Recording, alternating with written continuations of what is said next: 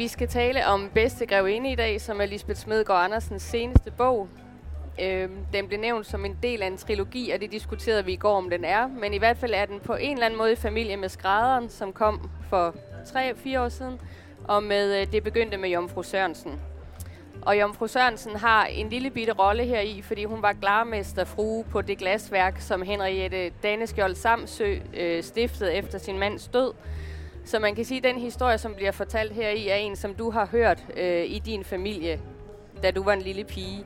Men, og det er en historie, du har sagt, der har spøgt hele dit, dit liv næsten. Men så dukkede der noget op, som gjorde, at du lige pludselig kunne skrive den. Hvad var det?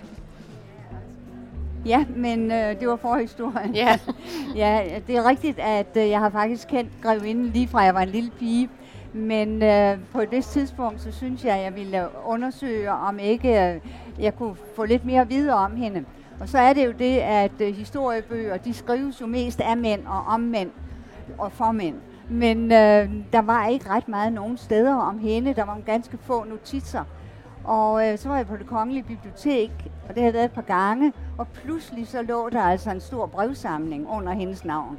Og det var en øh, brevsamling, der stammede fra 1804 til 1806, og øh, det var breve fra og til hendes huslærer.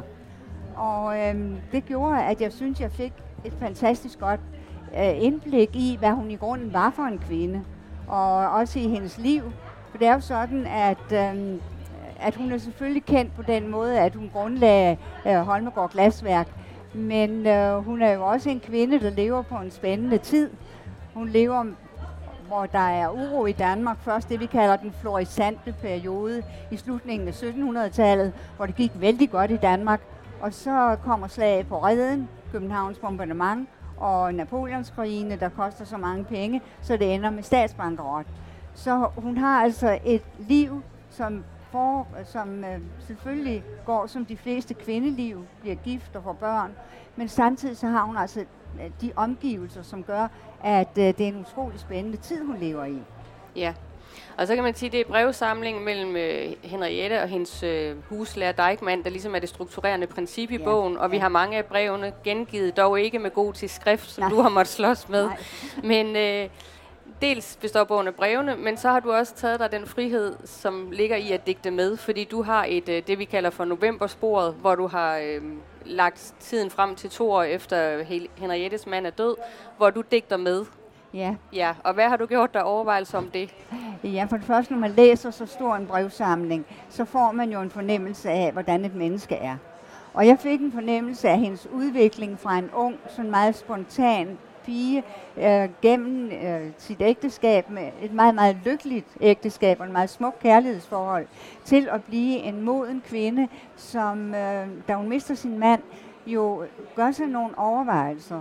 Og jeg har så prøvet, og der digter jeg, jeg har prøvet at tænke lidt over, hvilke overvejelser har hun gjort sig, og hvordan har hun, hvorfor har hun bestemt sig til at virkelig at grundlægge det glasværk, som han lige havde fået tilladelse af kongen til at stifte. Hvorfor tager hun det arbejde op? Og øh, min konklusion, og det jeg arbejder med i novembersporet, det er altså de overvejelser, og også det, at hun på den måde forarbejder sin sorg. Altså øh, tænker på alt det, de har stået for sammen. Og de meget brede både af oplysningstiden, men også af den tidlige romantik. Men de er præget af en fornemmelse af, at når man er noget i et samfund og har muligheder, så har man også nogle meget store forpligtelser. Og der kan man mærke, at øh, både hun og hendes mand har gjort sig nogle overvejelser om, at i en vanskelig tid for Danmark, der er det vigtigt, at der er arbejde til mange mennesker. Og det arbejde, øh, altså i det øjeblik, man, man grundlægger et glasværk, så bliver der jo ikke alene arbejde til glasmager, men også til husmænd, der skal skære tør over, til gårdmænd, der kan køre med, med, øh, med glas. Så øh, det bliver faktisk en meget stor arbejdsplads. Men jeg tror, at de to år, der går hun og tænker på, at at det vil også være at videreføre noget af det, de sammen har stået for. Ja. Så det er også en kærlighedsgerning på ja. en måde. Hun, øh, og det synes jeg, man kan mærke på hendes breve, at sådan ville hun, sådan ville hun formentlig gøre, og det ja. kunne være hendes tanker. Nu nævner du deres ægteskab som meget lykkeligt, og jeg synes, vi skal prøve at høre et af de breve, hun skriver til ham, inden de er blevet øh, officielt bundet ja. sammen. Han er ude øh, på den europæiske dannelsesrejse, og da, når man læser brevene, så tænker man, at der er en meget øh, frimodig og på mange måder moderne tone, eller i hvert fald, de har et vis frisprog imellem sig, kan man ja. sige. Men, men det er i hvert fald en, øh, en brevveksling, der bærer præg af folk med stor personlighed. Men nu får du på lov til at læse op, så ja, kan vi høre. jeg vil sige, at øh, noget af det, der kan være godt at vide, det er, at hun er 16 år gammel. Uh, hun træffer ham, og så skal han få måneder efter afsted på den her dannelsesrejse til Leipzig. Og deres uh, eneste egentlige forbindelse, det er, de, at de har udvekslet et kys bag ved en dør. Der var ikke, der var ærbarhed i det. Og så har de holdt den anden i hånden i hendes muffe, mens de har været i kirke i håndens kirke. Så, øh, men nu er hun jo ikke så glad for at sende ham ud på den der dannelsesrejse, for man kan jo komme ud for mange ting. Han er kun 18. Men så skriver han hjem til hende fra Leipzig, at han synes, at nogle af de her unge damer i Leipzig, de er vældig gode til at spille på klaver. Og det bryder hun sig ikke om at høre. Så øh, hun skriver øh, til ham, at han skal lade være med at tale til kælen om disse fifige Leipzig-inder. For der er også en pige hjemme i Norden, som sidder og spiller og synger. Og så skriver hun, og hvorfor denne pige nu just så ofte og så gerne synger, det vil de ikke længere spørge om, når jeg har sagt dem, at ordene på min kæreste aria er disse. Din ældste pige venter dig. O se, hvor hjertet fryder sig. Kom, bedste ven, kom snart tilbage her ved din ømme piges bryst. De svundne dages blide lyst, fornyet skøn, du da skal smage. Og så fortsætter hun. Må de ikke selv tilstå mig, bedste Danneskjold, at ingen arie kunne passe sig mere på mig end denne. Og der som de var nærværende, der er jeg overbevist om, at de ville sige mig dette lige så så kælent, som de nu beundrer Leipzig-indernes adagioer. Så øh, hun er altså øh, hun er meget lidt koket. Hun indrømmer åbent, at hun er glad for ham, og øh, ja, det, det er sådan også en meget ung pige, der taler her. Ja. ja. Og så har hun jo sin huslærer som øh, postillon d'amour, som du kalder ham, fordi ja. det er ham, der formidler brevene mellem ja. de to unge elskende. Ja. Og det er jo brevsamlingen mellem Henriette og Deichmann, der, der har udgjort dit øh, væsentligste kildemateriale. Øh, og det er, jo, det er jo ret specielt, fordi hun er adelig, og han er ganske almindelig dødelig. Ja. Øh, men selvom der er den standsforskel mellem dem, så, så bruger hun ham hele fra han bliver huslærer for hende frem til, til han dør. Og de deler jo stort og småt. Altså, de ja. deler både ting omkring øh, helt almindelige dagligdags ting med børn og besvær, men de deler jo også, øh, hvad skal man sige, store tanker om, hvad der sker i, ja. øh, i samfundet og ude i historien. Kan du sige noget om, hvad det siger som hende som, som, øh, som person, at hun dels har en, hun er så fortrolig med, som ikke er hendes mand, men også, at hun, hun ikke kigger på, om det er nogen, der passer i hendes stand? Ja, det tror jeg godt, jeg kan. Fordi øh, nu må man jo ikke glemme, at det var oplysningstiden, og der kommer der jo nogle tanker frem om lighed, og øh, altså lighed mellem stænderne også, at det er et menneske, der er afgørende, et menneskes egenskaber, og ikke hvor eller hvordan man er født. Men øh, samtidig så er hun jo så heldig, at som pige får hun jo faktisk en god uddannelse. Fordi allerede da hun er fem år gammel, der kommer denne huslærer, som hedder Peter Dijkman, at, øh, i hendes hjem og underviser hende og hendes søstre. Og øh, han bliver næsten en form for reservefar for hende. De bliver meget fortrolige, og det varer livet igennem. Han er utrolig glad for hende. Og øh, han kommer på gisselfelt, og han bliver en, næsten også en reserve bedstefar for hendes børn. Og man får indtryk af, at han giver hende en meget kærlig øh, opdragelse. Øh, det er sådan, at øh, hvad man skal lære, det skal man lære af kærlighed. Man skal ikke, øh, det skal ikke være nogen tugtemester. Nej, man skal lære af lyst. Og han, han skriver nogle små breve til hende, som hun så svarer på, allerede fra hun er 5-6 år gammel. Og den brevveksling fortsætter. Og da så øh, hun og hendes mand, øh, Danne Skjold Samsø, møder hinanden, så er det jo ikke officielt. Det er ikke så sikkert, det kan blive til noget. Så da han rejser, så skal de jo have en, der ligesom kan modtage brevene. Så han bliver den, der afsender breve og modtager dem igen, sådan at øh, andre ikke skal vide noget om deres kærlighedsforhold. Og det betyder jo, at øh, han også føler, at han kommer dem meget, han er meget nær på dem. Og det forhold, både til hende, men også til hendes mand, fortsætter faktisk øh, livet igennem. Ja. Jeg tænker, ja. vi skal høre et brev, øh, som Henriette skriver til Deichmann. Ja. For at få en fornemmelse af, hvad, hvad de taler om, og hvordan tonen er mellem dem. Skal vi... Øhm, Jeg tror, det var det på side 165.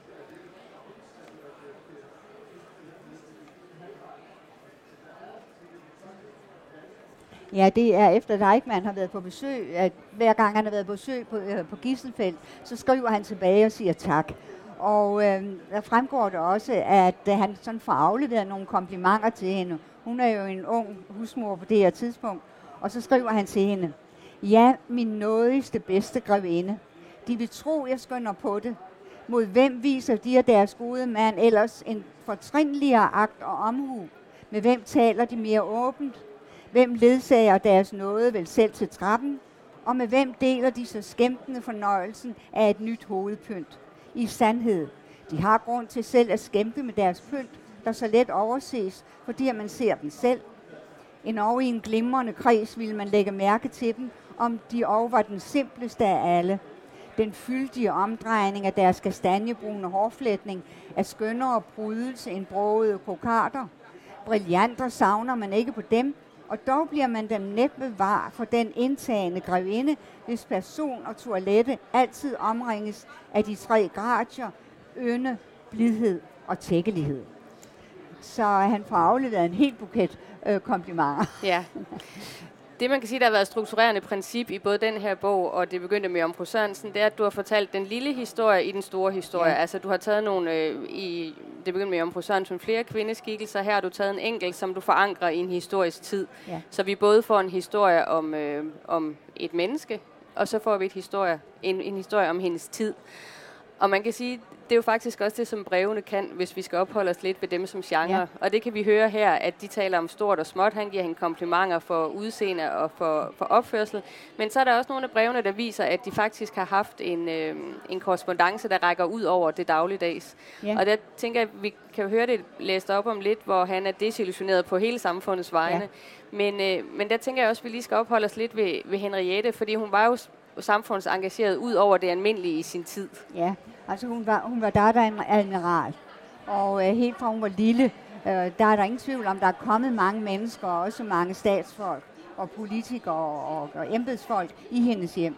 Men øh, samtidig så har Deichmann jo givet hende en vældig god opdragelse. Han har undervist hende i øh, historie, som var et meget stort emne på det her tidspunkt.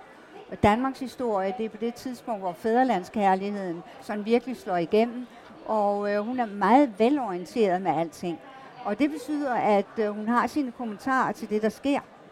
Og, øh, og det drøfter de også undervejs. Og det ender jo med, at øh, Dijkman, han er også en meget speciel figur, fordi øh, han, han er jo søn af en præst, men jo ikke en standsperson. Han, læs, han læser teologi, men bliver aldrig færdig, men lever faktisk som underviser rundt omkring. Men øh, han øh, kommer i mange forskellige kredse. Han færdes til synlædende hos adelen og i- hos borgere og i bø- hos bønder og hos præster. Så det betyder, at øh, han kommer i kontakt med mange mennesker. Og så rapporterer han til Gisselfeldt, hvad der sker rundt omkring, både af praktiske ting, hvad det koster at købe jord på Sjælland på det tidspunkt, men, øh, men altså også, hvad han sådan undervejs hører om øh, Napoleonskrigene, hvad sker der, og hvilke rygter går der. Og øh, på et vist tidspunkt, og hun kommenterer det så, men på et vist tidspunkt, der bliver han altså vældig skuffet. Og øh, det er under Wienerkongressen. Fordi øh, der sidder de der statsfolk jo og, og diskuterer og så videre og så videre. Og øh, mens alt det foregår, der sidder Napoleon jo og øh, konspirerer stadigvæk, selvom han er sat i isolation på Elba, så kommer han jo tilbage. Og det viser sig faktisk, at både Deichmann og mange andre danskere ikke er så kede af Napoleon. De synes faktisk, at øh, i modsætning til disse statshoveder, der bare sidder og øh, til synlædende danser på kongressen og går på jagt og sådan noget, så gør Napoleon noget. Og så skriver han, at nu har man jo hørt mange, øh, mange forskellige øh, rygter, og man har, øh, og man, der har også været mange forhåbninger i forbindelse med Wienerkongressen. Men så skriver han til Henriette, fordi alle er jo ved at være trætte og af krig. Og så skriver han, hvor meget man end har smiret os med de herlige ting, som udfaldet af kongressen skulle tildele Danmark, så har jeg dog aldrig retfæstet lid til noget deraf. Tilgiv mig min vantro nådigste grevinde. Kronprinsen forlod os, og hvor flåde, vort værn blev taget. Det pinte mig. Kongen drog med armeen til Fyn. Jeg begyndte at fatte håb. Norge blev afstået. Det ærgerede mig. Prins Christian satte sig i spidsen for Norge. Jeg troede ham besjælet som en ægte modig nordmand, men helten svigtede. Nu anser jeg det meste for blændværk. Andre kan gerne snakke om de mange herligheder, man forbereder for mig. Jeg tiger og glæder mig først, når jeg ser noget gavnligt udført. Det er måske lidt politikerledet for øh, et par hundrede år siden. Ja, ja. Nu tænker jeg, at det har været en, øh, et personligt projekt for dig at skrive om Henriette, fordi du har haft hende med dig, siden du var helt lille. Men når hun skal have liv igen, og, og vi skal læse om hende, hvad, hvad er det så, hendes fortælling kan fortælle os i dag?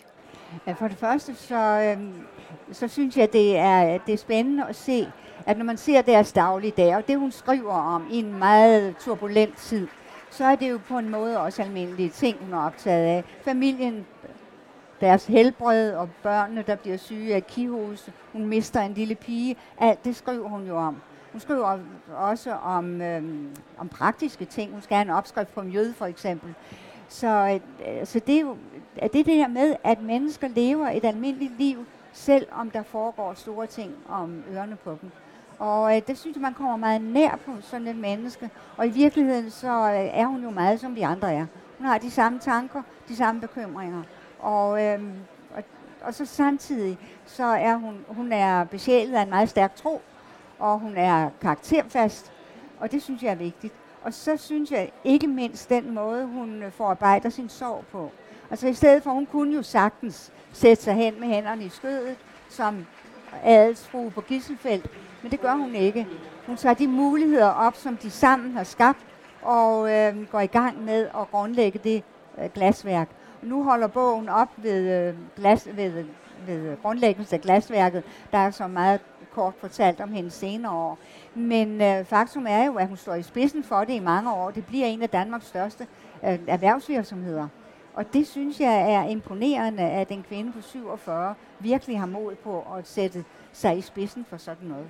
Og hun bygger et par sejlværker, og, øh, og af den gravtale, som, øh, som præsten holder over hende, forstår man også, at hun hele livet igennem har været optaget af sociale opgaver. Hun er også øh, involveret i øh, nogle ting omkring Grundtvig, og øh, at hun egentlig er noget af et forbillede både for sine børn og for sin fam- familie. Og så har hun rundet en pligtfølelse, som man ikke som nutidig læser nødvendigvis forbinder med en meget privilegeret adel. Ja, og det tror jeg har noget at gøre med, at hun er, øh, hun er jo selvfølgelig præget af oplysningstiden, fordi hun er født i 1776. Men samtidig så kommer hun jo ind i romantikken, og nu er det jo sådan, at vi altid har lært at læse oplysningstiden gennem romantikkens briller. Så vi tror, at oplysningstid det er noget med fornuft og forstand og kedsommelighed. Men det er helt forkert. Altså mange af de tanker, vi har om natur, om kærlighed, de opstår i oplysningstiden. Men derudover, så er der jo en meget stærk øh, tale om pligt, kommer fra filosofen Kant blandt andet, at et menneske har pligter her i livet. Og mange af de øh, ting, der rammer en, ja, det er, man siger jo, at den, den alvidende, altså Gud selv, han prøver et menneske for ligesom at, at, øh, at få de bedste egenskaber frem. Altså prøvelser er ikke bare noget, der, der kugler folk ned. Nej, det er også noget, man kan vokse ved. Og det tror jeg, at den blanding, jeg tror jeg slår igennem hos hende, så hun kan forarbejde sin sorg. Så hun kan være virksom og faktisk leve et godt liv med den sorg, hun har haft, og med de erfaringer, hendes liv har givet hende. Ja. Fordi det talte vi om i går, at når man har læst bogen og har lagt den til side, og så tager den frem igen, så var det lige pludselig for mig en kæmpe kærlighedshistorie. En meget, vi så det slået an med det første brev, som Lisbeth læste højt, hvor man får en fornemmelse af, at det har været ja. mere end almindelig stærke følelser. Og i det, som jeg kalder novembersporet, som er det, hvor du selv digter med, ja.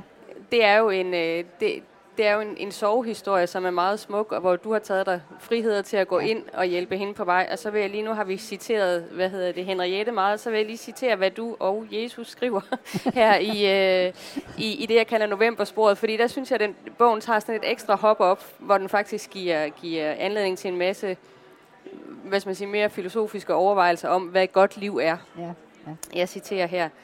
Særlig er de, som sørger, til de skal trøstes. Det var Jesu egne ord, så de var til at stole på. Selvom det kunne være svært at vide, hvem man, hvem man kunne stole på i denne tid, hvor de lærte var uenige. Men hun vidste med sig selv, at sorg ikke bare er mørke, at erindre er ikke bare at huske. Sorg er det elskede menneskes forrettighed, at erindre er at bevare kærligheden og gøre den til en del af ens liv, ens historie. Hun huskede ikke, hvor hun havde læst det, men det var nogle linjer, der var blevet ved med at genlyde i hendes tanker. Erindrede man ikke det gode hos dem, der gør, at det gode i verden lever videre, så vil alt det blive til intet, der sker af godt i verden. Var det særligt for hende, tænkte du, at få, få lov til at sørge på den måde, du, øh, der hvor vi møder hende to år efter hendes mand er død, hvor hun stadigvæk har de her tanker. Er det typisk for hendes tid, eller? Det tror jeg er almindeligt. Ja. Men, øh, men på en eller anden måde, så skal vi måske også høre det en gang imellem. Altså, øh, vi hører altid så meget om det, der er svært, vi hører om det mørke.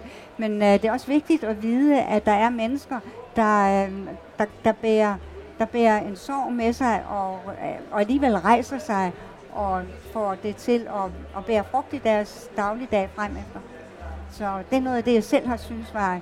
Og jeg synes, det er jo rigtigt, at jeg dækker lidt på det, men jeg synes ikke, jeg gør det uden, øh, uden at have egentlig rod i hele brevsamlingen. For der er jo det med breve, at øh, man, man forstiller sig ikke i breve til folk, man kender godt. Man øser ud af det, man tænker, og øh, i fortrolighed. Og når man så sidder og læser de breve, så er det virkelig som om, man kan høre en stemme efterhånden i ens eget øre. Det er som om, de bliver levende for, øh, for ens blik. Så øh, man kommer meget tæt på folk. Og fordi du havde den stemme så klart, så kunne din november stemme vokse ud af det? Det synes jeg. Ja. ja. Så, det var godt. Ja. Det virker også sådan. Men det er en bog, der kan anbefales, og den kan købes herover på Kristi Dagbladets stand til en særlig messepris, hvor man også kan veksle et ord med Lisbeth og få en øh, signatur i sin bog, hvis man køber den. Men tak, fordi du ville komme. tak.